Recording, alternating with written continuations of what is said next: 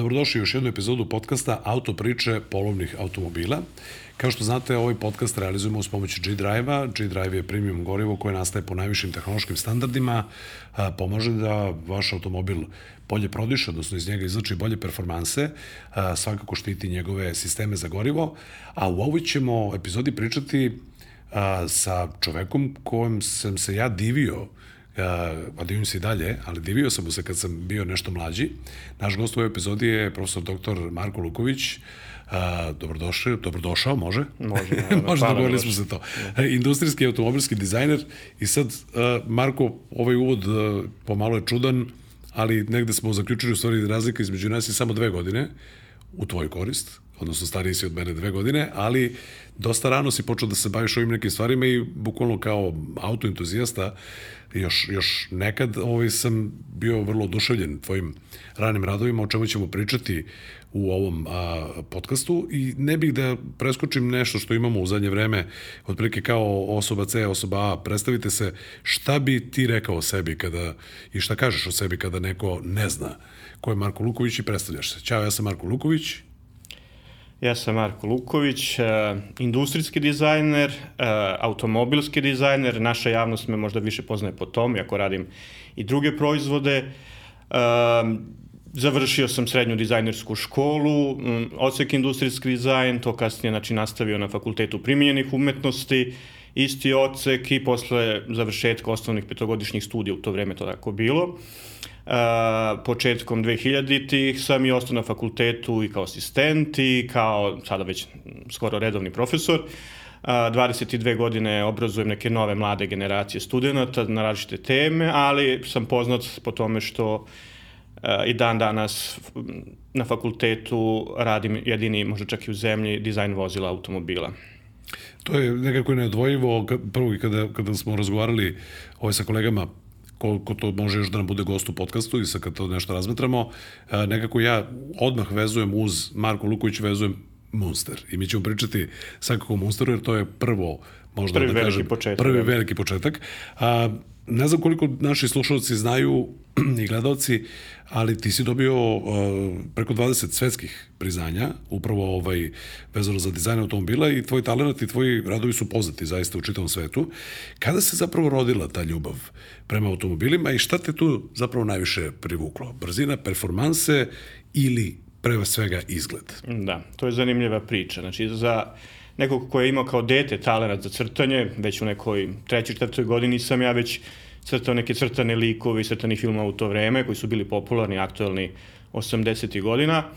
Mm, Kasnije u školi taj talent pokazivao. Uh, negde početkom 90. čini mi se 92. sam otišao na sajmu automobila u Beogradu i tada su dolazili konceptualno automobili. I ja sam, čini mi se, bio peti razred, negde oko 12 godina sam imao. Ovaj, video sam izložen na Renaultom štandu tadašnji koncept, koncept vozilo futurističko Renault Laguna, koje je bilo onako jako nisko, oko metar, eh, širine, eh, visine, onako, baš, baš vrlo neobično, kao iz nekog filma i vidio sam ga uživo. I rekao sam, pa majko mu, vidi ovo, mogu da radi, mo, automobili mogu i ovako da se rade. Znači, ne samo auto, kao to doba kockasti, kao što su bili golfovi, jugići, kečevi, ono što smo bili na našim ulicama. Ja sam sebi, ne kažem dao zadatak, ali se stvorila želja, volio bi jednog dana da dizajniram neki automobil. Znači, kažem, imao sam 12 godina, a, put je neki životni išao tako da sam se odmah raspitao gde kod nas može da se to uči, gde se uči ta struka, znači industrijskog dizajna.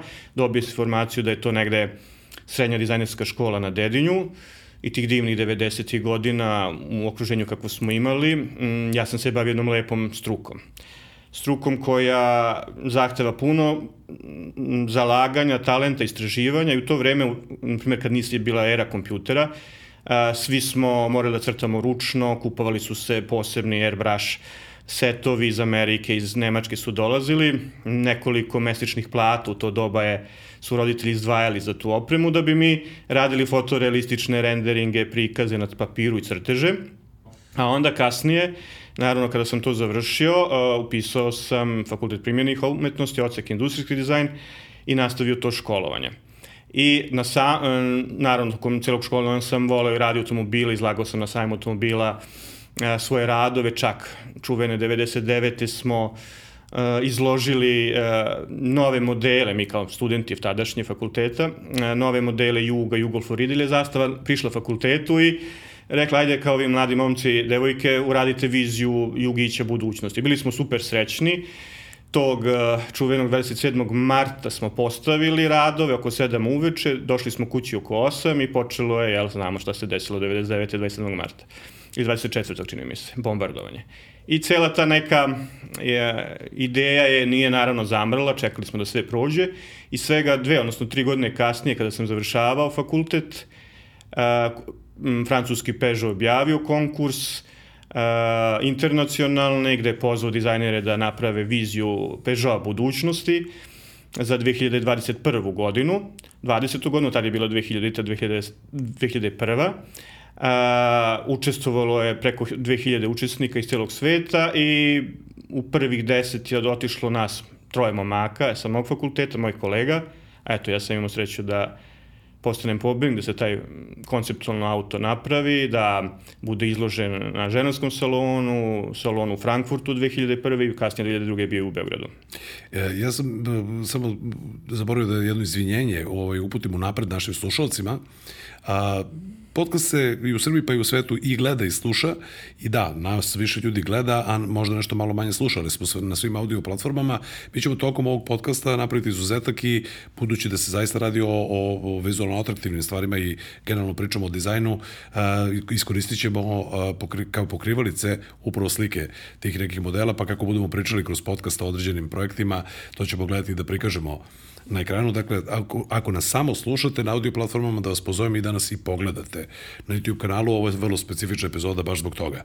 E, izvinim se što sam malo, malo ovaj, e, napravio, da kažem, ovaj prekid u ovom toku. E, dakle, prvi radovi su krenuli koliko rano, dakle, od tog momenta, od fascinacije automobilom, da kao čekaj, ovo ne mora da bude kockasto, pa nakon ovaj, ulaska u ceo taj proces obrazovni, prosto, da li tu bilo slobode ja bih da dizajniram baš evo automobile, kako, izgleda, kako su izgledali ti prvi radovi. Evo Inače mi je fascinantno ovo za airbrush jer potpuno shvatam ako bi se crtalo jednom bojom ili nekim ovim, ajde da kažem, klasičnim tehnikama, ne bi moglo da se dočara prosto ni silueta, Tako. ni prelivanje svetlosti na automobilu. Refleks, bismo dobili, ja. pa refleksija, dobili bismo ono kao kad ja, recimo, crtam da. automobil sa flomasterima ili, ovo, ili veoštavim bojicama. Dakle, zato je potreban airbrush upravo da bi se dobio taj fade out i da bi moglo da se simulira prosto linija pa, i, i kontrast na automobilu. Tako je. Evo, bukvalno sam, da kažemo, sve dok tog nekog toka prelaza sa analognih tehnologija i ručnog crtanja manualno, kako je to bilo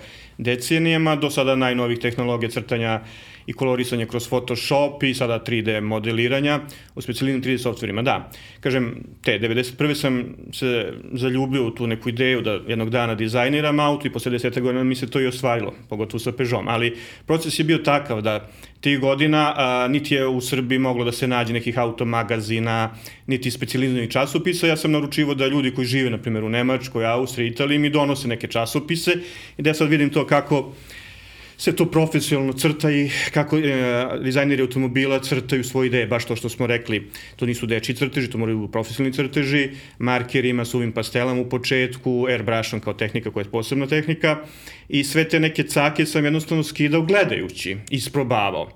Znači, kažem, 93. četvrte je kupljen airbrush, na primer, donešen iz Amerike, koje košta u to vreme 300 nemačkih maraka, na primer, plate su bile 3, 4 do 10 maraka. Tako da je to neka ušteđevina data na to, ali je vredelo, je ta ljubav i želja da se savlada tehnika i da se približiš tome nekom svom idealu, nešto te vuče i to sam bez pardona, onako, kad završim nastavu tokom radne nedelje, odvajao vikend, subota, nedelju, uz neki radio, neku laganu muziku i testirao, isprobavao, dok nisam došao do tih, da kažemo, fotorealističnih e, crteža rukom crtanih, odnosno kolorisanih airbrushom i mm, markerima. Kasnije, kada je došla era kompjutera, 90 i, kažem, krajem 90 i kada smo već svi mogli da kupimo neki svoj prvi PC, ono što je prvo što sam uradio kad sam otišao u Francusku dok se radio moj auto u Parizu, Peugeot, znači otišao sam neka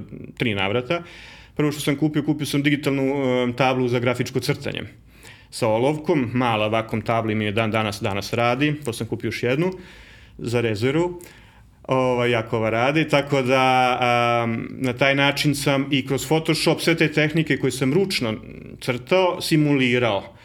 I naravno imam mogućnost za kompjuterski softver, Photoshop ili slične softvere, u nedogled grešim i brišem i popravljam, dok to na klasičnom crtežu nije moguće. Znači klasični crtež me uvežbao da uradim to perfektno iz jednog cuga, iz jednog poteza, ti crteži su trajali po nekoliko sati, 10 do 12 sati se crtalo airbrushem, zato što se maskirao podrađenim folijama, ali kasnije u Photoshopu se sve to ubrzalo i dovelo do profesionalnih skica.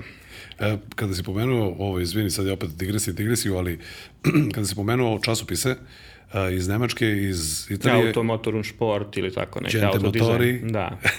Hoću da kažem, vizualizirao sam recimo kada se pojavio prvi put uh, CLK, sećam se u Gente motori da je bio crven, pa je pored bio objavljen i upravo crtež, Da, da, da. koji je Danas se to kaže render i danas to Da. jeste render, ali tada to nije bio render, nego je bilo rukom crtano. Da, pa dobro, u engleskoj terminologiji render je i ručni crtež, em, kvalitetno napravljen kao fotorealistični prikaz i 3D rendering kroz eh, 3D software, ali taj termin je sad ustaljen kao Da, ja nešto sam se u normalno. stvari prebacio sam se na Ali sam ja anglicizam. bukvalno iz tih ručnih crteža, gledajući uh, skidao fore, kako se to moderno kaže, i bukvalno probao da simuliram na osnovu tih njihovih ilustratora kako se to radi. Naravno, bilo je toga tona i pogreški i nekih proba, ali na kraju je dalo rezultat.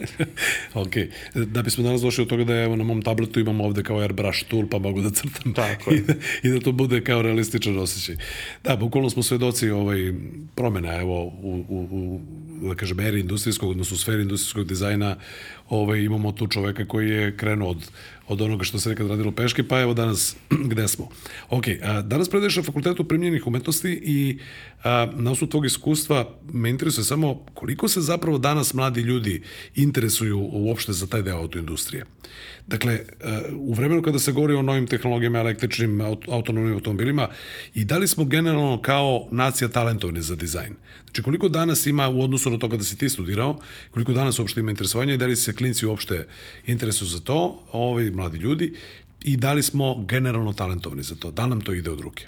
Ili to malo, malo trči, trči, pa nađemo nekog, nekog E, ima, ima, naravno, ima, zato što naš fakultet kao državna institucija koja 75-80 godina školuje uh, i dizajnere i primenjene umetnike, jednostavno je jedino mesto bilo, do skora, dok se nisu naravno pojavili privatni fakulteti, gde se ta struka izučava. Tako sam ja naravno krenuo i um, sa tom željom da naučim i dizajn vozila i dizajn drugih proizvoda kojim se i danas bavim, ali u svakoj generaciji imam sigurno po dvoje, troje i više studenta koji mm, su zainteresovani za to. Evo iz kog razloga. Ono što primećujemo u poslednjih uh, možda 5-6 generacija, na našem oceku su počeli i devojke da dolaze u većem broju, uglavnom je to bio mali odsek, 6 do 8 studenta, uglavnom je bila, su muške klase, ali da kažem u jednih 15 poslednjih 15 poslednjih godina su i devojke prisutne i one su čak jako zainteresovane dizajn vozila. I sada ja u poslednjih nekih 5-6 godina uh, sam baš napravio predmet dizajn vozila i konceptni dizajn gde se bavimo baš tim nekim futurističkim rešenjima gde ja njima ta neka iskustva koje sam imao iz teku inostranstva, iz prakse i uh, ono što pratim, što je trend i što je trenutno aktualno, pokušavam da te ne, neke mlade ljude prenesem, a od njih kroz zadatke koje im dajem, čak to su zadaci koji su baš vezani i za futuristička vozila, oni biraju temu koju hoće, biraju marku. Uh, neki put radimo leteća vozila, ra- radimo vozila za gaming, za neku tu industriju zabave, za film gde je bukvalno ta mašta koja je neophodna i uslov da ti budeš dobar dizajner uh, se vidi.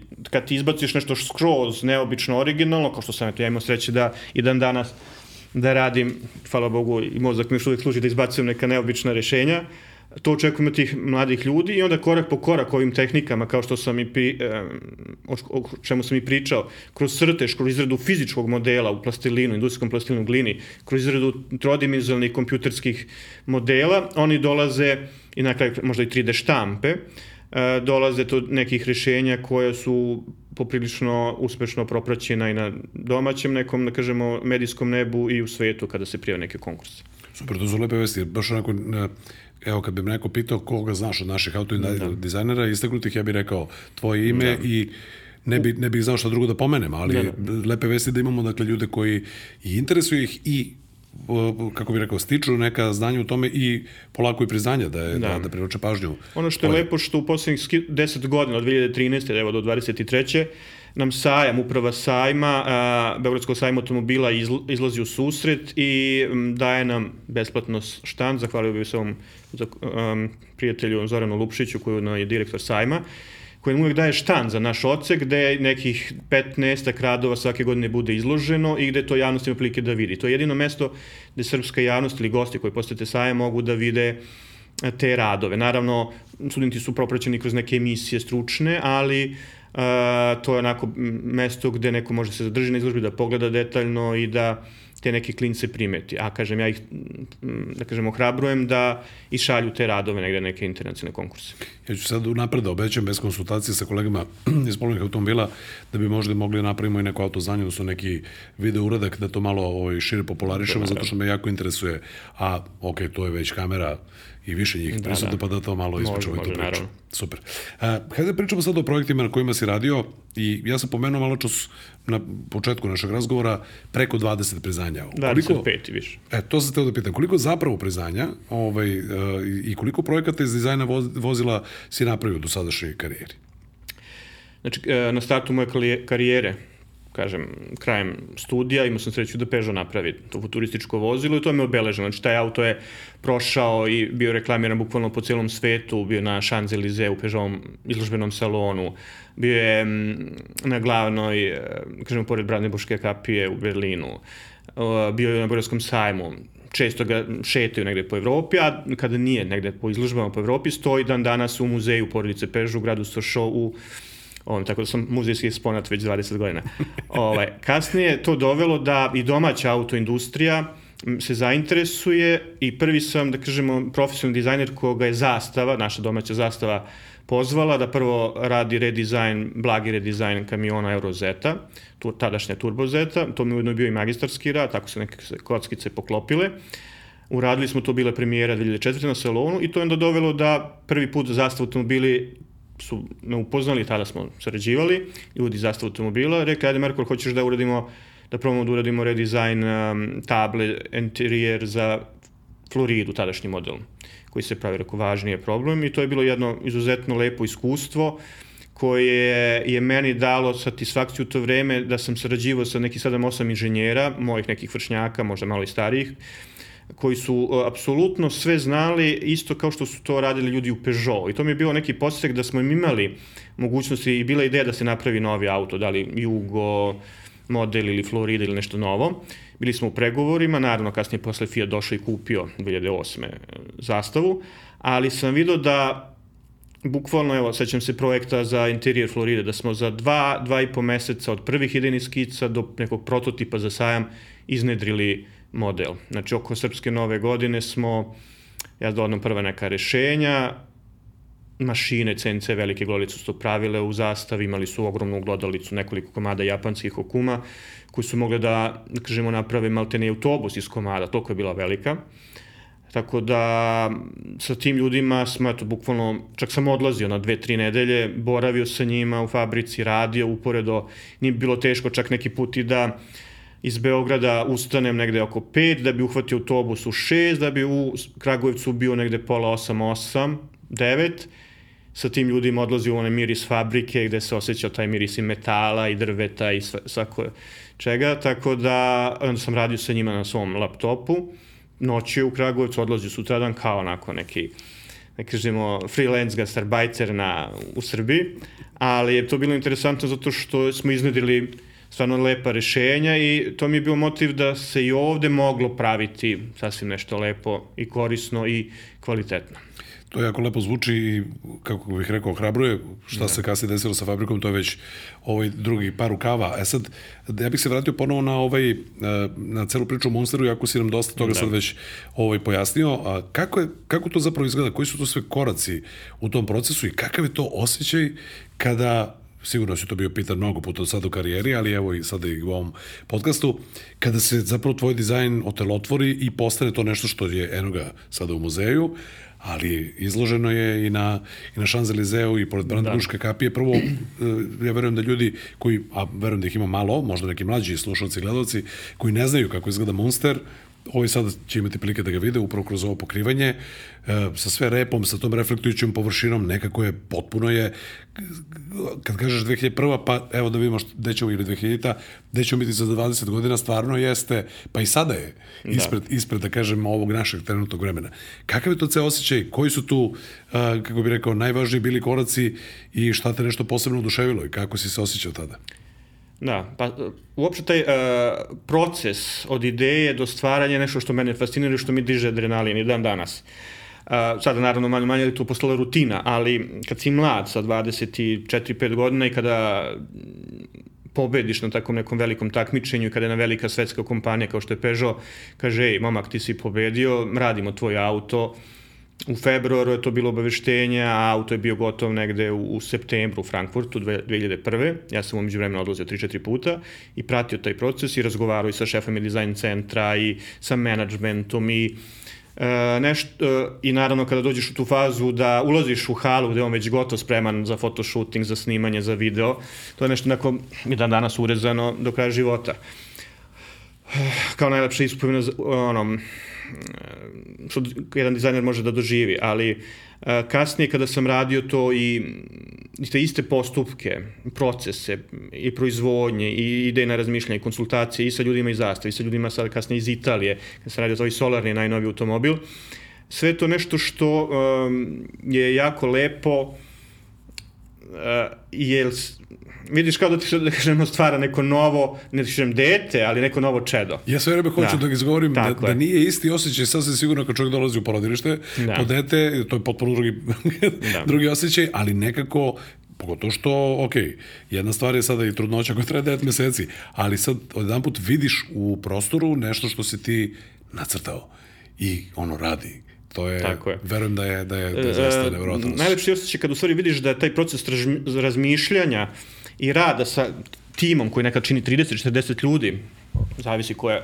na kom projektu sam radio, a, i kada ti vidiš da a, taj proces razmišljanja, konsultacija, sa ljudima koji su inženjeri, aerodinamičarima, fizičarima, menadžerima, koji svako iz svoje struke da neki segment i doprinos tom projektu, verujem da su to možda i veći, da kažemo, trudovi pod navodnicima nego kad se donosi jel, dete na svet, ali naravno sve je to sastavni deo struke, ja to tako shvatam.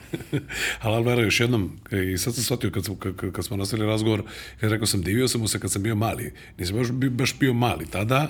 Ovaj, pa, ali, ja sam ali 77. ti si, eto, dve godine mlađe. 79. Da, Vršnjaci smo, generacije smo. Da, da, ali hoću da kažem, ovaj, kad kažem mali, a zapravo sam ja u ta doba, ovaj, koliko si dakle imao godina kada si ga dizajnirao? 20?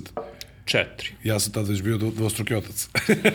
da. ja sam nešto dizajnirao, ali hoću kažem, nekako mi je kao da, da si jesi to dosta davno napravio i da, umeđu vremena prošlo vreme, ovaj, malo smo i mi omatorili, pa zato je ovaj taj moj... Pa dobro, eto, ja sam stvarao, da, neka čeda na četiri točka, dva, koliko god već, moje, moj sin je došao sa mojih 39 godina, ali eto, zakružili smo neki ciklus, sad stvaramo dalje. Alalvera, alalvera. A, pomenuo si upravo nešto ovaj, vezano za Italiju, dakle, u pitanju je trkački automobil a, na solarni pogon, Emilia 4, a, a, i oni predstavljaju Italiju na svetskim takmičenjima i trkama solarnih automobila.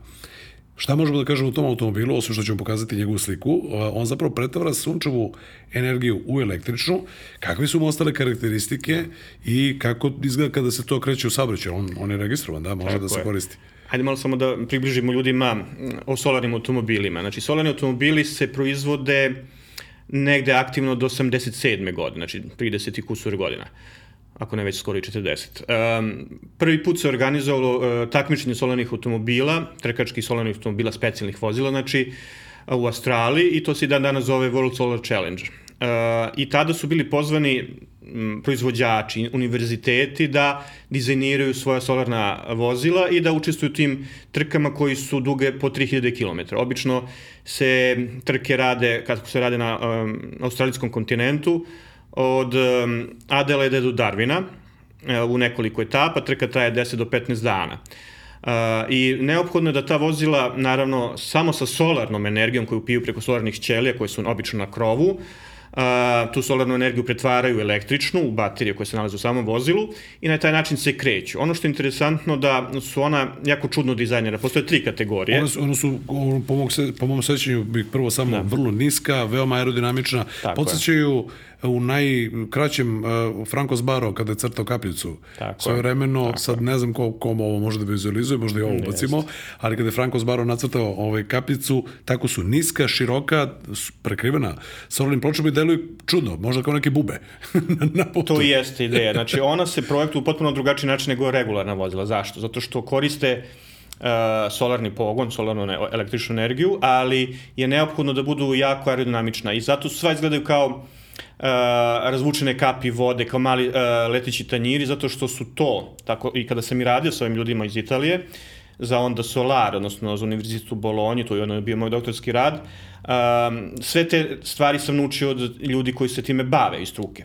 Znači, bukvalno ti principi aerodinamike, kapi vode, um, presek avionskog krila se primenjuju na takve vozile i tako se dizajniraju. Tako je na kraju krajeva i e, Emilija 4 Emilija zato što je rađena u regiji Emilije Romanja, četvrta zato što je četvrta po redu, um, projektovana. I tih šest meseci dok sam ja boravio u Italiji i sarađivo sa tim ljudima, uh, bukvalno smo svaki svaku liniju, svaku površinu proveravali, simulirali u softveru, ja sam imao oko 25 do 30 variacija tog dizajna, dok nismo u kompjuterskim uh, softverima i simulirali željenu perfektnu aerodinamiku. Znači, ta aerodinamika je uh, išla od 0,12 do 0,13 jedinica, koeficijent e, otpora vazduha, to je najpribližnije nečemu što je kap vode, kap vode oko 0,9.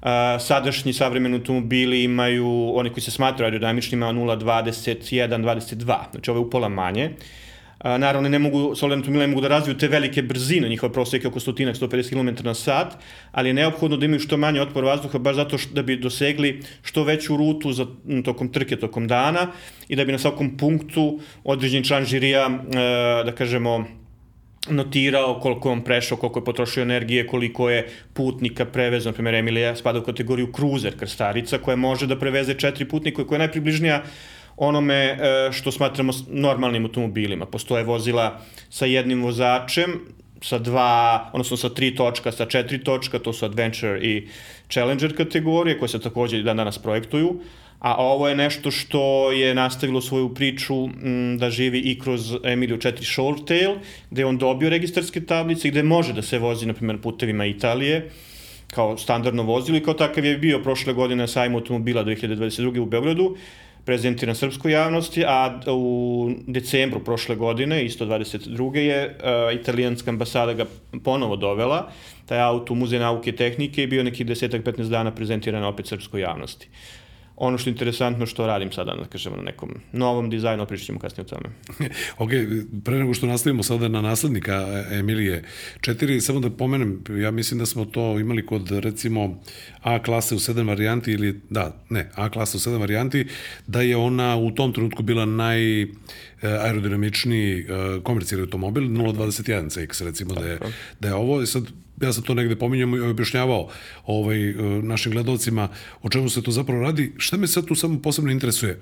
Kad kažemo da je bilo 30 i nešto varijanti, tu zapravo dođe do neke kolizije pa i stvaralačke pretpostavljam, aha, čekaj, ovde mi treba ovaj krilo zbog ovoga, ovo, ovo da produži i, rep, smanji nos rep, i tako. I se dakle. desi nešto kao, što ne mogu da izbacim točkove? Pričali da. smo ovde sa Dejanom Ognjanovićem ovaj, iz Mercedesa o tome da bi zapravo najaerodinamičnije rešenje za vozilo bilo ukoliko bi mogli a, prosto lukovi točkova da budu potpuno zatvoreni. Tako, Emilija ima sakrivene sve, sa četiri točka i uglavnom ti solarni automobili imaju, zato što bukvalno i svi ti uh, u toku vožnje, svi ti mali vorteksi koji se javljaju oko točkova ili obstrujavanje, smeta i ubrzanjima i skretanjima tih automobila i remeti ih.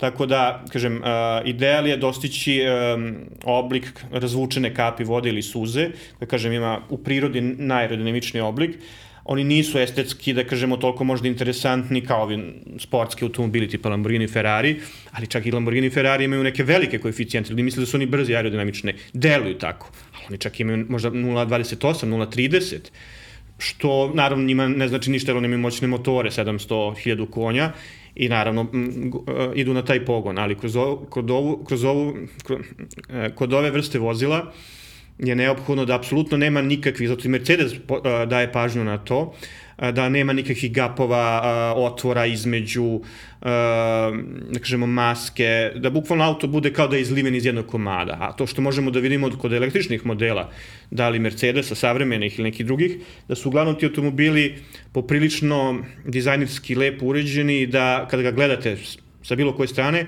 sve linije teku i stapaju se pozadi. A to je baš iz aerodinamičkih razloga da taj flow oko automobila ima nesmetan tok, vazduha i da jednostavno i na taj način, pošto je električni automobil, da mu ta aerodinamika pomogne da dosegne što veći um, range u odnosu, na primjer, na, ne znam, Cybertruck koji je kockast i neke slične stvari. Dobro, to sad već Elon i njegovi...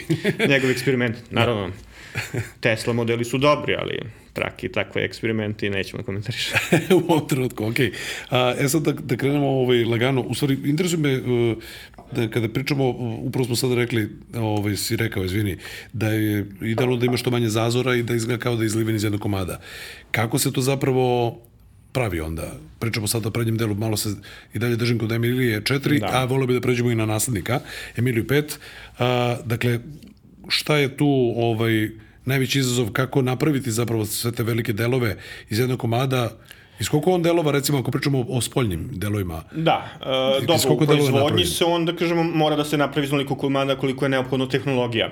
Radi se, da kažemo, tehnikom, kao što se radi Formula 1 i sve sportske automobili, e, karbonska vlakna su u pitanju, tehnika izlivanja, odnosno laminacija karbonskih vlakana. E, kada ja kao dizajner iz svog 3D softvera pustim inženjerima, izvezem taj, da kažemo, stilistički model, onda oni rade mm, sve ono što je konstruktivni deo unutra, nadovezuju se i prave konstrukciju, uh, sedišta, veze, i gledamo naravno da bude i što manje komada uh, kad se taj automobil spoji.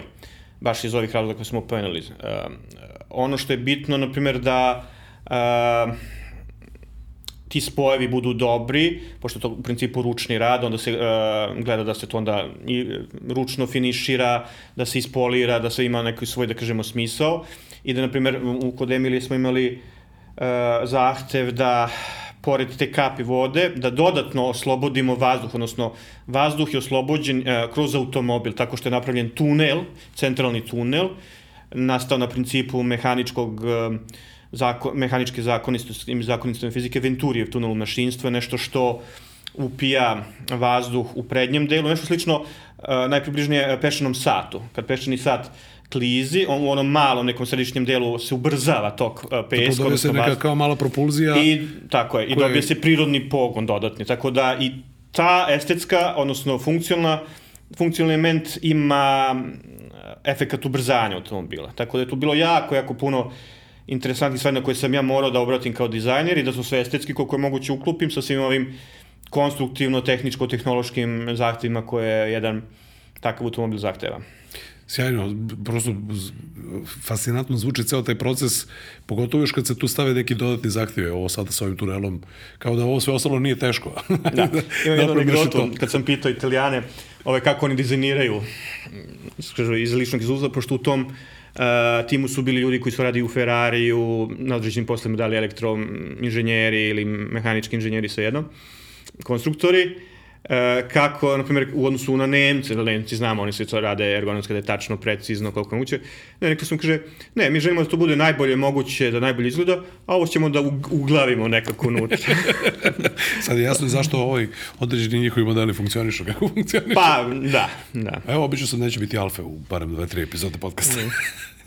okay. Neki put imaju sveća da to funkcioniše, neki put... Nekad ne. da. Ali svakako lepo izgleda. Trude se. I dobro, okay. jesu stvarno među najboljim u svetu to, to mora da se skine kapa. Ovaj, i pričat ćemo o tome, baš me interesuje ko te inspirisao kao mladog i ko, da li imaš neke od a, uzor, uzora i idola, ali da pređemo sada na Emiliju 5, to jest Emiliju 5, da. a, dakle sprema se naslednik, ponovo za, za isto tak, takmičenje, tako, tako? tako? Dobro. Evo, I šta upravo, su sad tu najveći izazovi? Upravo, pa... Kako da bude bolje? da, sad napraviti nešto bolje i drugačije. Opet, sva ta takmičenja na svake dve godine, pošto su bijenalne u Australiji, a na kažem na drugim kontinentima, u Južnoj Americi, ne znam, Bliskom istoku, Evropi, čak organizavaju se druga kontinenta takmičenja, ovo je najpoznatije. Ovaj, trenutno, evo, upravo sad startuje trka, m, ovih dana, ako ne već i danas, World Slogan Challenge 2023 na Australiji. Um, ono što je uh, bitno kod Emilije 5, uh, da je, opet radimo kategoriju cruiser sa četiri osobe, ali sad sa tim novim pravilima. Svake godine izlazi pravilnik na nekih 50 stranica, teških, teških, baš onako uh, uslova šta se mora jedan tim da ispuni od ulaska, kako ulazi čovek unutra, kako mora da izađe za par sekundi, uh, koje je vidno polje, uh, koje je, da kažemo, maksimalna dužina, širina, visina vozila, u svim tim nekim boksovima m, tehnički moramo da se krećemo i da damo neko novo originalno rešenje. E, naravno, ja sam neko rešenje dao još pre godinu i kusur dana, ovaj, ono je sad u izradi i ono što je interesantno da se čak i Emilije 4 radi u verziji sa hidrogenom, ta će postati novi mali gradski automobil, tako da uporedo radim na neka dva paralelna projekta, o kojima ne smem puno da, da kažemo pokazujem slike, naravno postoje, ali što kažu vidjet ćemo kad izađu kako to izgleda. Ono što smemo pokazat ćemo, a ovo upravo uh, hidrogen je došao kao sjajan... Ovaj, Alternativno, da. Pa da, ali kao sjajno nadovezivanje, zato što ja već u nekoliko epizoda, inače kad pričamo i nisam ja otkrio toplu vodu, nego prosto da. to je naša budućnost. Ljudi naročito kod nas imaju neki otpor prema struji i kao, ma neće to moći nikad, nećemo moći infrastrukturom, kako je nastala ta struja i tako dalje, mi ćemo se zapravo u budućnosti voziti na struju i na hidrogen. Pa, verovatno. pomešano, hibridno Da. i tako dalje. A ovaj i drago mi je da se da se upravo ovaj čim se razmišlja o tome, ok, evo ga ovaj na solarni, hajde da vidimo kako će da radi na Da, na ovo će hidrogen. biti, znači Emilija 4, e, modifikovana verzija, e, će biti prvi auto tog tipa koji kombinuje solarnu i hidrogensku energiju. I to je naravno prototip radnik gde se istražuju takve stvari, to nije auto koji će biti u serijskoj proizvodnju, ali tirani su rešili ajde da probamo i ovo, da prezentiramo, dobili su neke fondovi, sad se radi na tome i mislim da ćemo čak do marta sledeće godine imati oba modela onako proizvedena. Ovaj, a, kažem, elektrika jeste nešto što se sada nameće silom ili milom kako god, mada sam više malo pobornik ovih klasičnih automobila koji, da ipak imaš osjećaj i kad zamiriše ta neko gorivo benzin i kad osjećaš mašinu da bruji i kada imaš neki povratni feedback onako malo sredinski, tako da s te strane sam malo klasičan vozač. Klasičan vozač, ali futuristički dizajner. Da, To je- posle futurističkim nastrojenjem, da. To je, to je ovaj dosta zanimljiv miks. um, ti si dobitnik i preko okeanskih nagrada i to za Michelin, gde si tri puta nagrađivan na njihovom tradicionalnom diza- dizajnerskom konkursu u konkurenciji preko hiljadu takmičara iz celog sveta i tu gde su članovi žirija bili članovi e, dizajna najvećih proizvođača kao što su General Motors, svoje vremeno, BMW, Ford, Honda i tako dalje. Između ostalog, jedan od nagrada je za viziju e, autonomnog vozila. Šta možeš da nam kažeš o tom vozilu? Da, to takmičenje je jako zanimljivo. Otprilike je isto pokrenuto početkom 2000 kada i Peugeot mm, pokrenuo i dan danas traje. S- bije, ono, jedno um, anuelno godišnje takmičenje gde svake godine taj žiri e, zadaje temu neku koja je aktuelna ili koja će biti aktuelna. Znači, evo, na primjer, um, 2011. su dali temu kako zamišljate vozilo budućnosti za vaše e, podneblje i gde smo mi kao dizajneri dali ta neka rešenja kako će izgledati vozila za 2020-2021. Kasnije to tema sa autonomnim vozilima je bila 2013-14. i evo sada je to već aktualno, ali tada su hteli da osjeti da vide kako mladi dizajneri razmišljaju dizajn, na temu autonomnih samovozećih ili robotizovanih vozila. Uh, ono što je bilo tada nepoznanica, bile su, m, uh, kako će oni izgledati, tek su bili neki prototipovi, tipa na Google Car ili tako nešto, koji su imali gomilu nekih gadgeta, tipa lidar, ne znam, radar, uh, GPS, koji je onako bio, da kažemo, malo ružno nakalemljen na neko vozilo i simulira je tu autonomnu vožnju. Od nas kao dizajnera se očekuje da predvidimo vozila koji će se kretati 10, 15, 20 godina unapred. Imali smo određenu slobodu, određenu slobodu potpunu, da dizajniramo to vozilo. Ja sam, na primjer, sećam se, da se gledalci videti te slike, ali Uh, ja sam bio inspirisan, na primjer, uh, sedenjem autom, u automobilu kao u nekadašnjim kočijama, gde se ljudi gledaju jedno preko puta drugoga, gde u određenom toku vožnje možete da čitate knjigu, da gledate tablet, da, na primjer, umesto uh, automobila volana, kao u klasičnim automobilima ili nekog džojstika, postoji jedan OLED transparentni panel na kome postoji touch screen na kome se može ono gledati ne znam TV, gledati putanja, gledati kao što e, sada radimo na mobilnim telefonima. I vozilo pošto je naravno autonomno, povezuje se na satelit, komunicira sa drugim vozilima okolo sebe, e, prevozi bezbedno putnik. I sada evo smo svedoci da se takva vozila i pojavljuju ovaj, u, u jednom obliku ili drugom. Uh, ono što je bilo interesantno za ovo moje vozilo da je imalo mogućnost skretanja u oba pravca, kao što to na primjer mogu tramvaj ili vozovi da rade, nije moralo da manevriše na ono, ako se zaglavite negde samo se vratite unazad, moglo da se odigne od tla, da bude i off-road za neke potrebe, mm, imalo je na primjer umesto klasičnog GPK koje poznamo u današnjim kolima, imalo je takozvanu touch uh, drawer sistem fioka koji se samo izvuče, ubaci se nešto i prevozi dalje. Odlično zvuči. E, zapamtio sam nešto što moram da pitam nakon sledećeg pitanja. Jedna od nagrada za dizajn koncepta roastera za tri osobe, kako je to vozilo? Dakle, takođe i to, i to bilo nagrađeno. Tako je, tako je. Tri puta sam imao sreće da dobijem nagradu na tom Michelinom konkursu Michelin Amerika. radovi su prezentirani na Detroitskom autosalonu svake godine, te određene godine kad su nagrađeni, a mali roaster je bilo vozilo za uživanje. Tema je bila vozilo za uživanje. Ja sam izabrao na primjer Stelvio 500 je put koji povezuje Alpe od eh, Švajcarske do Italije, koji je sav u kaskadama i hteo sam napraviti jedno malo futurističko vozilo za troje, dva putnika napred, jedan pozadi, koji je onako električni, sportski e, mali roadster e, sa targa sistemom otvaranja kabine, gde su, na primjer, u, u točkovima bile kao neke male elektrobaterije baterije kapsule koje su se celom kinetičkom energijom dopunjavale na taj način još dodatno dodavale energiju. Tako da dizajner sem uh, vizualnog dela ima pravo da predloži neka nova konceptualna rešenja u smislu tehnike, a inženjerski tim to kasnije možda i pretvori u neku realnu ili približno realnu sličnu serijsku opremu.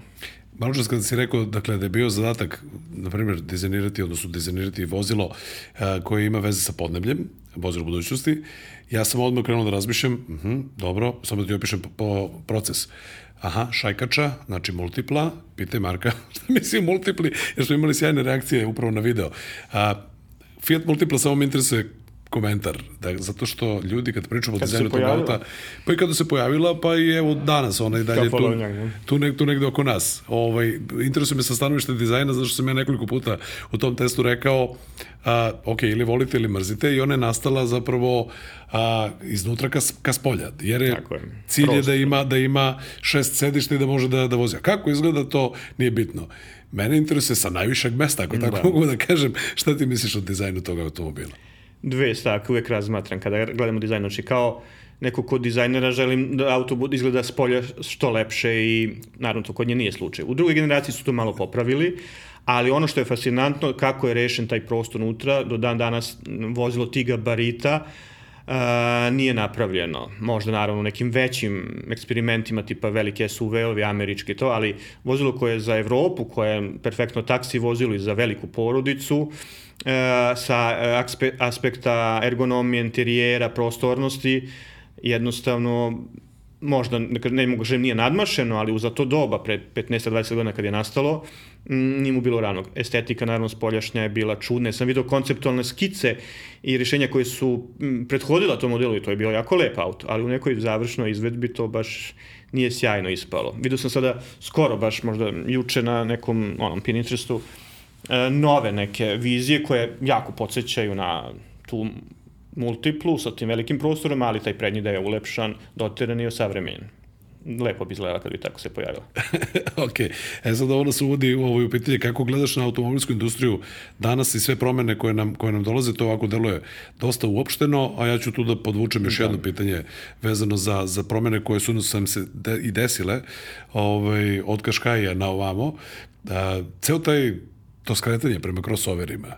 Su SUV, ne? SUV modelima i svi se želimo da se vozimo ovaj, visoko, pa i ja sam podležem ovaj, tom ovaj, sindromu, s tim što mislim da je časno, ako već voziš vozilo koje deluje kao da je sposobno, treba negdje da bude sposobno i da, imam 4x4 pogon i ovaj, nešto zbiljniju motorizaciju. Kako gledaš, evo, ako pronađem mim, ovaj, koji verujem da ljubitelji automobila dobro znaju, poređeni su na jednoj stranici crossover SUV modeli ovaj, raznih proizvođača, svi u beloj boji i jako ih je teško razlikovati. Dakle, kako posmatraš taj trend da svi želimo da se vozimo visoko, mislimo da je to bezbednije, pregledno nam je, šta se to desilo sa nama? Pa je Puma postala crossover, pa je C4 postao Citroen, ili Citroen postao da. crossover, tako da i svi se nekako dižu. Šta možemo o tome da kažemo? Da li to, ja razumem da je proizvođačima automobili, automobila cifre su važne i prodaja je zakon, je tako? Tako. Ali ovaj, kako ti iz svog ugla auto, autodizajnera gledaš na to, da kažem, podilaženje publici, odnosno na taj trend, aj svi vozimo isto. Tu sad nijanse su, rekao da. bih, dosta, dosta, dosta tanke i male. Pa naravno, to je trend uh, koji je posljednjih deseta godina aktualan, bukvalno od tog nekog kaškaja i to, ali možemo da se setimo da su crossoveri ili ti mali, da kažemo, džipovi gradski postojali i davno, i pre 40 godina. Ja sam bio fasciniran kada sam krajem 80-ih odlazio u, ne znam, Trst ili u Italiju, tu negde Veneciju, gde smo mogli da vidimo male Suzuki Vitare, one skraćene, toga u, u Jugoslaviji, u Velikoj Jugoslaviji tada nije bilo.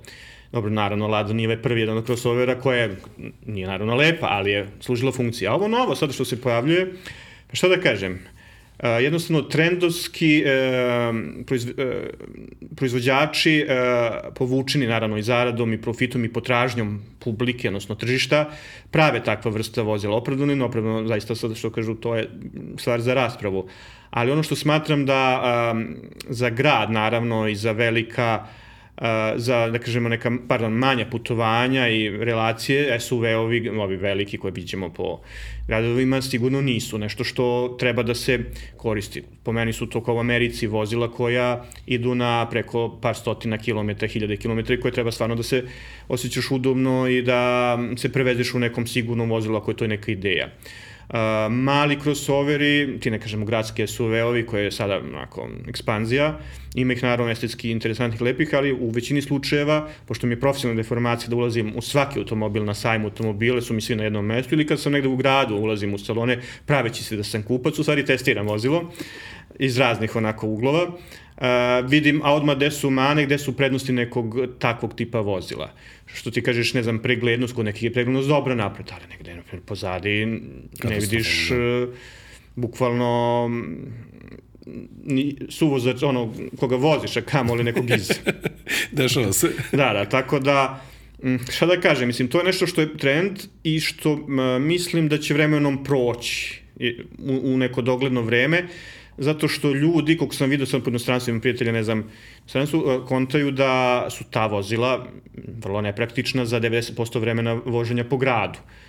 Uh, jesu ona moćne, jesu daju osjećaj sigurnosti, pitanje koliko su oni sigurni, sva ona testiranja jesu ni sigurni, ali ako pogledaš e, sva testiranja koje se rade na NCAP testu i kad gledamo one užasne snimke, sve su to um, testovi koji se rade na, e, te, e, na kilometraži, ubrzanju 40 do 60 km na sat. To su neke gradske vožnje. Ti sad vidiš auto koji se raspadne na 40 km, a šta se dešava na vožnji 80, na realnim vožnjama 80, 100, Svaki auto će postati zgužva manje više Dobro, oni, oni su svi i te zone ove deformacije Tako i nauka je uznapredovala, pa i sam dizajn automobila se promenio da. u tom smislu. Uh, upravo si napravio lepo ogradu, nije to nesigurno. Da. Ali biti na toj višoj poziciji nije sigurno kao biti u automobilu, da kažem, normalne visine. Tako. Pogotovo pick-upovi, ovaj, oni su bili ovaj, crna tačka. Ja mislim da se pre dve generacije Mitsubishi L200 kvalifikovao kao jedno od najbezbed, najnebezbednijih vozila, pa sam ja onako u nekom opuštenom prijateljskom razgovoru pričao sa prijateljem, kad bi imao to vozilo, mora bi čovjek da ima nešto pored, pored sebe, ako mu se desi neka strašna saobraćaj nesreća da prekrati sebi muke. Da. Malo surovo zvuči, ali nije ta pozicija visina nogu i deformacija pri udar, udar, udarcu u normalno vozilo nije idealna situacija za vozača. Ne znam da li si gledao ona interesantne priče, da li si gledao, mislim da sam negde uhvatio na YouTube-u, uh, sudar, crash test nekog džipa tipa Wrangler i tako nešto, sa Espasom ili Senikom. Šta se dešava?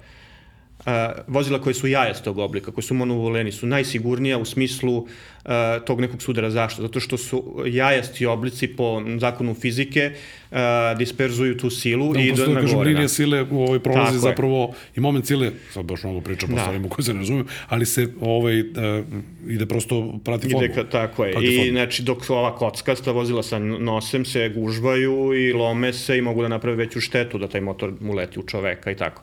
Tako da, po meni, najpraktičnija vozila koje su bile, koje su na, nažalost izumrla, su monovoloveni ili mini voloveni, monovoloveni, mini venovi, e, koji su, nisu bili naravno visoki, ali tipa jesu imali e, povišen e, nivo sve, na primjer, ne znam, prva Opel Meriva ili prva klasa A klasa, ili druga generacija, imao si, imao si malo, da kažemo, no. povišeno sedenje, bili su praktični, izuzetno su bili veliki prtljažnici, imao si puno prostora i to su po meni dizajnersko, konstruktivno najbolje osmišljena vozila i su zadovoljavala zaista realne potrebe ljudi. Onaj kome treba vozilo koji ide na terenski, neki ozbiljan uh, terensku neku ne, koji idu na neki terenski uh, zahtevan prostor, njemu zaista trebaju tipa Duster, tipa ne znam Land Cruiser ili nešto tog tipa, ali savremene SUV koji su stvari samo izdignuti, veliki, hajde da kažemo, karavani na točkovima, su nešto što je trendovski, što eto, ljudi kupuju da bi se možda malo i pokazivali, da bi se takmičili sa komšijom, prijateljima i... Komšija ga sasvim sigurno ima pa da vidimo čiji već. Mm, pa, da, koji duže traje. To, koji duže traje. A, ja sam obećao da ću da, da, da, da priupitam, a, pomenuo sam ovde jedno ime, ali me interesuje ko su ti bili i da li dalje imaš neki svoj uzor, sad da si ti uzor nekim drugim ljudima, ali ta neka ovaj, značajna imena iz uh, autodizajna i sveta dizajna ovaj, na, koga se, na koga se ugledaš i na koga si, su, ko te fascinirao kad si bio mlađi? Pa evo, I da li danas mogu, mogu da pomenem naravno ovaj, pošto sam se eto zaljubio naravno svaki, kako svaki klinac u autodizajnu te super sportske automobili, u to vreme kada sam ja to počeo da se zanimam, pojavio se mm, Lamborghini Diablo, kao jedan po meni možda i najlepših Lamborghinija u toj nekoj savremenoj istoriji od Countach ili Countach do ovamo, do ovih modela dalje. Gandini ga je radio. Imao sam sreće kada sam boravio 2001. godine u Italiji na jednom specializovanom kursu. Uh, italijanska vlada je raspisala konkurs, ja sam se prijavio, 15 naših ljudi iz Srbije otišlo i radili smo baš u okviru Bolonje, gde sam kasnije 20 godina ponovo radio još jedan auto za njih.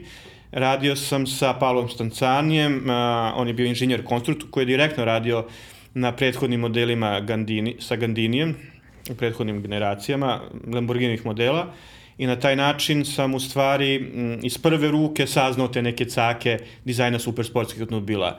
Kako treba, koliko treba auto mora da bude spušten, šta mora kod repa da se radi u dizajnerskom smislu, gde treba da se postave usisnici, koje je to vidno polje pregledno. Tako da, zaista od ljudi koji su pokretači te supersportske klase, evropske, naravno, amerikanci su isto neka priča za sebe i tamo ima sjajnih modela, oni muscle car iz 60-ih su onako meni isto primjer i dan danas dobro dizajnernih vozila i upečatljivih i ovih naravno italijanskih. Um, tako da, kažem, imao sam sreće da, eto, sa tim nekim ljudima koji su radili sa tim velikanima dizajna, razmenim reči, misli, ideje i pravio sam neke modele sa njihovim sugestijama i to mi je bilo veliko zadovoljstvo. Ja ću sad da, da ovaj, jedno koska pitanje, ovaj, možda i nije, u stvari ne znam kako ćeš to doživeti, ali interesuje me ovaj, tri po tebi najlepše dizajnirane automobila, uopšte ne moraju biti aktuelni trenutno modeli, mogu biti mm. iz istorije, malo čas si pomenuo jedan koji ti dalje ovaj, a, a, prija oku.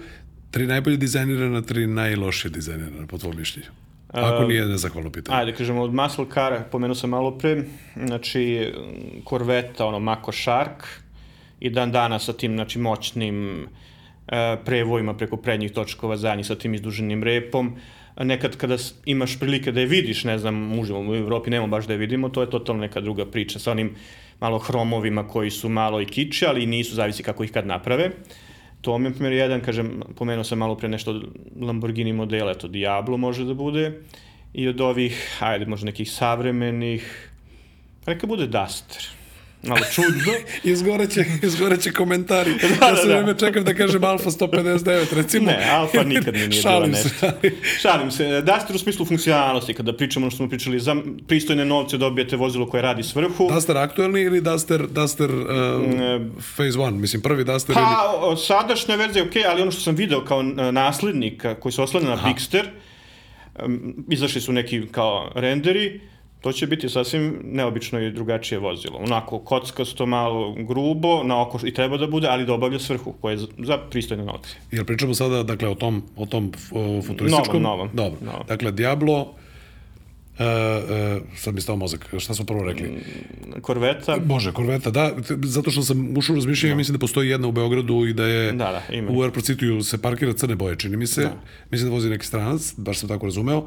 O, Diablo i Duster, budući Duster. Ne kažem da je Duster najbolje dizajniran, ali um, ne, smatra, ne, ne smatram ga kao ono najbolji dizajn, ali kao uh, funkcionalni dizajn koji sad ide nekim putem kao što je Škoda išla u početku i došla do ovih sjajnih modela koje sad imamo, mislim da sada Dacia ide tim putem. Vozio si stepevi, vozio si ovo. Čak sam nekoj komšinici skoro preporučio, kupila je stepevi zadovoljne. To je trenutno, ja mislim i dalje, još uvek a, Najpovoljniji naj, auto, najpovoljniji novi automobil ako želite da kupite. Da. Ima sve što ti treba i obavlja od tačke A do tačke B. Morat ću da pitam i za tri najgora primjera. Ovaj, da li imaš nešto što što, što bi izdvojio kao, u, ali kolega, ovo loše nacrta. Da, da, da. A dobro, znaš, nema tu sad loši ili nastup, to je samo stvar sreće kako je neko odabrao. Dizajneri crtaju, ali management bira. I neki put stvarno da bere modele koji oni moja pokojna baba tako ružno ne bi nacrtao. Ove, pa ne znam sad, ajde da kažemo, ne mogu sad da se naš nešto ono, mislim, u, u nekom našem miljeu da smo svi vozili te neke naše zastave, ono, i 128-ica i, i keca i to, nisu oni, e, mislim sad kad pogledaš ove distance, oni jesu bili onako, za to vreme kopija Fijata i neka, ajde, ja, mi smo imali keca Juga, ne znam sad, Pa ne, ne mogu sad ovako iz prve. Da Mogu da povučem pitanje onda. Pa dobro, ne možeš da povučeš, nema ja problem da kažem, ali Možemo da sada... zamenimo pitanje profesor. Da, da, da zamenimo, Ne, možemo. evo zamena, šta voziš? Vozim Opela i moja žena vozi Opela. Ja sam ti ono Opel Astru i Opel Corsu. Standardna vozila koje su ono ne, na, ne neke novije generacije, čak su još uvek fabrički kod mene od 2007. i 10. i služe svoj svrsi, znaš. Nemam, nemam potrebu da, ja kažem, ja to malo se zedam sa drugovima, pa kažem, znaš što su automobili, ono su tri dugmeta, kao imaš klimu, imaš radio, imaš svetla i u principu stavim na držač ono, telefon, I to imam navigaciju da. i u principu vozim se lepo. Inspirisalo me na ovo pitanje, posebno to što si rekao, pominjući taj Duster budući, a, funkcionalnost mi mene često oduševljava kada vidim da je ovako kao da kažem autoentuzijastu, da je jako dobro uklopljena funkcija, forma, svrha, da to sve je nekako zajedno. Evo, testirali smo Toyota Aygo i tu sam rekao, zaista ih nisam, ni njega, ni nju, ni Citroen C1, ni, ni Peugeot 107 posmatrao kao neke ozbiljne automobile, ali tu je zapravo forma diktirana svrhom. To je mali gradski auto Tako u je. koji treba da stane četvoro i da se preveze od tačke A do tačke B. Nikakav dugačak put i on je u toj svojoj jednostavnosti fenomenalan. Evo, pogledaj, sam si rekao, znači, ponovo se odu, oduševljavamo ili volimo jednostavne automobile, odnosno uh, sa svim onim elementima koji su ti zaista neophodni. Možemo mi da se divimo i touchscreenovima, infotainmentima i podmenima i kao da voziš neki najkomplikovaniji Windows ili Android telefon najnovije generacije sa ekranima koje, na primjer, su svuda oko nas, ali šta se desi kad taj ekran, na primjer, pukne, dete ga udari, komšija, nešto slučajno zalepi, ti si završio sa tim automobilom u principu. I onda, mislim, naravno nisi završio, ali možda popraviš, ali će te vjerojatno popravka koštati kao pol automobil, ne znam, ovi sada elektroautomobili tipa Tesla, ti kad ti ode baterija, ili možeš da krpiš da menjaš posle 5 do 7 godina i da plaćaš 15-17 hiljada evra bateriju. Da li se to isplati? Ne. Za te novce sad možeš da uzmeš benzinca nekog sa tri dugmeta. Zgodnog. Ja ovaj, samo moram da kažem sad evo jedna lič, lični jedan ugao i potpuno je uh, banalnija stvar od touchscreena. Uh, aktivirao sam kasku, imam oštećenje na prednjem vetrobranu, ne toliko da, da ugrožava, ali postoji. Ne može da se nađe trenutno šajbna. ne, Za tvoj model. Za moj model koji se i dalje proizvodi sve ok, međutim zbog onog grada, nevremena koje je bilo, ne samo što nema otplike kod nas, kako ne mogu da garantuju rok isporuke. Dao sam Ali baš inostranstvu primer. postoji? Pa evo da radimo na tome, da se da se naruči, ali zvao sam nekoliko ovih najvećih firmi, pa evo nikako da da stigne kao ja ne mogu da naručim, ne mogu da vam garantujem. Da, neobično isporuke. staklo, da. A šta ćemo kada bude crklo nešto potpuno neobično? Da. Ovaj tako da sa jedne strane razumem tu I imao sam jednu to anegdotu, poštovanje malo, jednostavnosti. što kažu, zanimljive su stvari. E, neki tvoje, da kažemo, kolege autonovinari su mi pričali baš pre 15 godina, otišli, sad sada ne pominjamo, otišli su na prezentaciju um, najnovije klase, da ne kažemo koja je marka u pitanju, nemačke u pitanju, ovaj, gde su krenuli od Ženeve do nekog obližnjeg tog grada da voze. Bilo je zimsko vreme, od 10 modela koji su vozili u 3-4 modela, maltene u isto vreme je otkazao touchscreen. Monitor ništa nisu videli, nisu mogli da voze i jednostavno, bukvalno su morali da stanu a, na, a premium marka je u pitanju, znamo na što mislimo. Tako da se dešava i to. Šta ćeš raditi ti sa tim kada ti je automobil blokiran i dozvoljava da voziš, ne znam, ispopane su gumi, ne da da kreneš, a ti si na nekoj žurbi voziš možda bolesnu osobu, dete ili koga god već. Tako da ljudi ne razmišljaju o tome. O, moj posao kod dizajnera da razmišljam šta posle. I pravi dizajneri to rade. Znači šta posle sa upodrebom tog automobila, sve to sjajno funkcionuje, uh, pomaže u vožnji, lane assistant, ti elektronski sistemi, ali šta se desi kad taj čip ode, kad počne da gubi kontrolu, da može da napravi još veći udes? Pitanje. Upravo smo došli nekako do mog pitanja koje sam ostavio za kraj, a delimično sada naziramo odgovora, baš me interesuje i malo dublje objašnjenje. Kakva će po tebi biti uloga dizajna u budućnosti automobilske industrije? Jer evo, pričali smo o tome i pomenuo si da ceo taj trend sa crossoverima smatraš da će proći. Idemo mi ka autonomnoj vožnji u jednom trenutku i verovatno idemo ka tome da, da, da, da nećemo više ni posledovati kola odnosno vozila da. kroz možda 20 ili 30 godina, nego ćemo se voziti nekim car sharingom, pa plaćati pretplatu, a možda ćemo zaista i leteti, jer kao što smo čuli ti nekad daš svojim da. studentima ovaj zadatak aj napravimo leteće vozilo. Kakva će biti uloga dizajna, naravno on je neosporno veoma važan deo, ali koliko će on zapravo da, da, nam, da nam diktira uh, kako ćemo, to se, kako ćemo se to u budućnosti voziti? Mm, diktirat će potrebe i dizajn je tu nešto samo koji će pratiti potrebe tržišta i ljudi i regiona u svetu. Evo, sad smo svedoci da Bliski istok, znači, da kažemo, Dubaj, okolne zemlje, Emirati, su toliko moćni da mogu da finansiraju već projekte tih letećih vozila. To ne možemo da ih nazivamo da su, da su to klasični automobili, Uh, to su više neke kombinacije helikoptera koji se dižu, koji odlaze od tačke A do tačke B i mislim da će u bogatim zemljama prvo to tamo krenuti. Ja sam imao prilike da boravim 2019. u, u Bratislavi na njihovom fakultetu za dizajn. Uh, umetničkoj akademiji, gde sam upoznao na oceku za industrijski dizajn profesora Štefana Klajna, kolegu koji je šef tamo isto katedre, koji je radio i proizveo um, aeromobil, prvi automobil koji zaista može da odleti na međugradskim relacijama. Znači nije u pitanju um, da kažemo neka testna vožnja, kao što smo imali prilike ovde da vidimo ne, raznorazne testne vožnje, dizanja, ispuštanja. Uh, vozilo ima krila koje se skupe, odnosno rašire kad je potrebno, on može da se vozi ulicama, kad dođe na neku pistu ili na neku, da kažemo, livadu gde može da uzleti kao avion, on zaista raširi krila i odleti. Ovaj, uh, tako da mislim da su to da neka dva pravca koja će se u budućnosti forsirati. Naravno, postojeće sigurno sve više više tih autonomnih uh, vozila koja nisu možda čak lični automobili, nego ti opšti javni prevozi koji će biti ili na, po putevima ili koji će možda biti na nekim uh, tipa relac, trasama kao što su možda šine, neki moduli, na nekim visećim onim maglev šinama, tako da tu u Japanu već kreće kao neki m, brzi prevoz, jer vi sad imate ove te super brze vozove koji idu čak preko 600 km na sat, možda čak i do 1000, nisam baš siguran, ali to je maltene brzina aviona Znači, Beograd, Zagreb, vi ste tu za 45 minuta.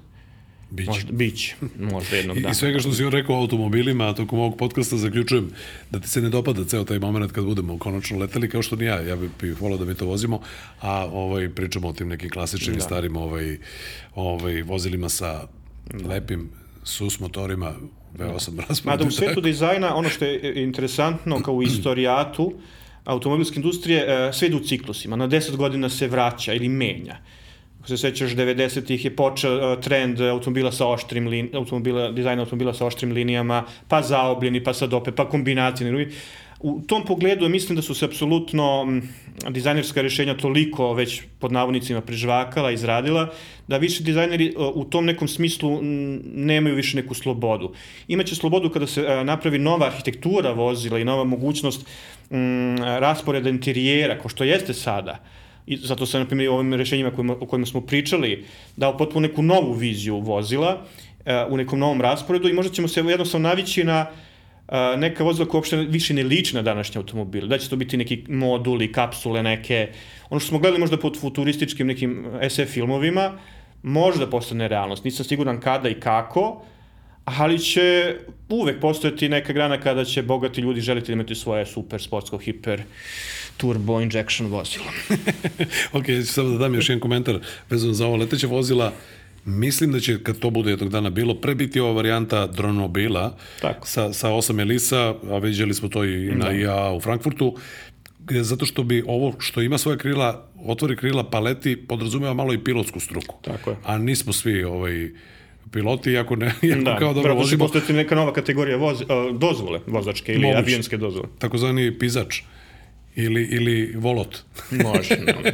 Ok, uh, Marko, hvala ti mnogo na, na vremenu koje se odvojio za nas. Uh, imam pomalo osjećaj Pinky video Tita. Ovaj, Da. zato što je ovo prvi put da, da sedimo ovaj, uh, zajedno, a mislim da si jako inspirativan sagovornik i prvo tvoje dela i ono što ovaj, si napravio ovaj, su zaista impresivna i hvala ti još jednom ovaj, što si odvojio vreme i hvala ti ovaj, što, što su te automobili tako zainteresovali ovaj, tako rano i hvala ti na svemu što si uradio. Prvo zahvaljujem na pozivu za gostovanje, ali kažem tvojim gledalcima koji prate vaš kanal da obavezno pogledaju um, testove automobila koje radiš, da li ih novih ili polovnih, jer zaista to radiš dobro, dobronamerno i sugerišeš ljudima ono što zaista treba da na što treba da obrate pažnju. Čak ja neki put vrlo često pogledam i, i prosledim link svojim prijateljima kad su zainteresovani za neki automobil.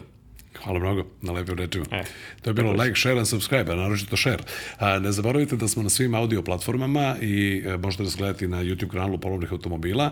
Ovo je bio podcast Auto priče, još jedna epizoda i pomalo specifična epizoda koja će imati i video pokrivalice, odnosno a, radove i fotografije, zato što se zaista radi o a, nečemu posebnom. Ne zaboravite, ovo realizujemo s podršku G-Drive-a, koji je premium gorivo koje nastaje po najvišim tehnološkim standardima, a, poboljšava performanse vašeg automobila, štiti njegove sisteme za gorivo i izlačeno najbolje iz njega. Čujemo se i vidimo se u sledećoj epizodi. Like, share i subscribe. Hvala.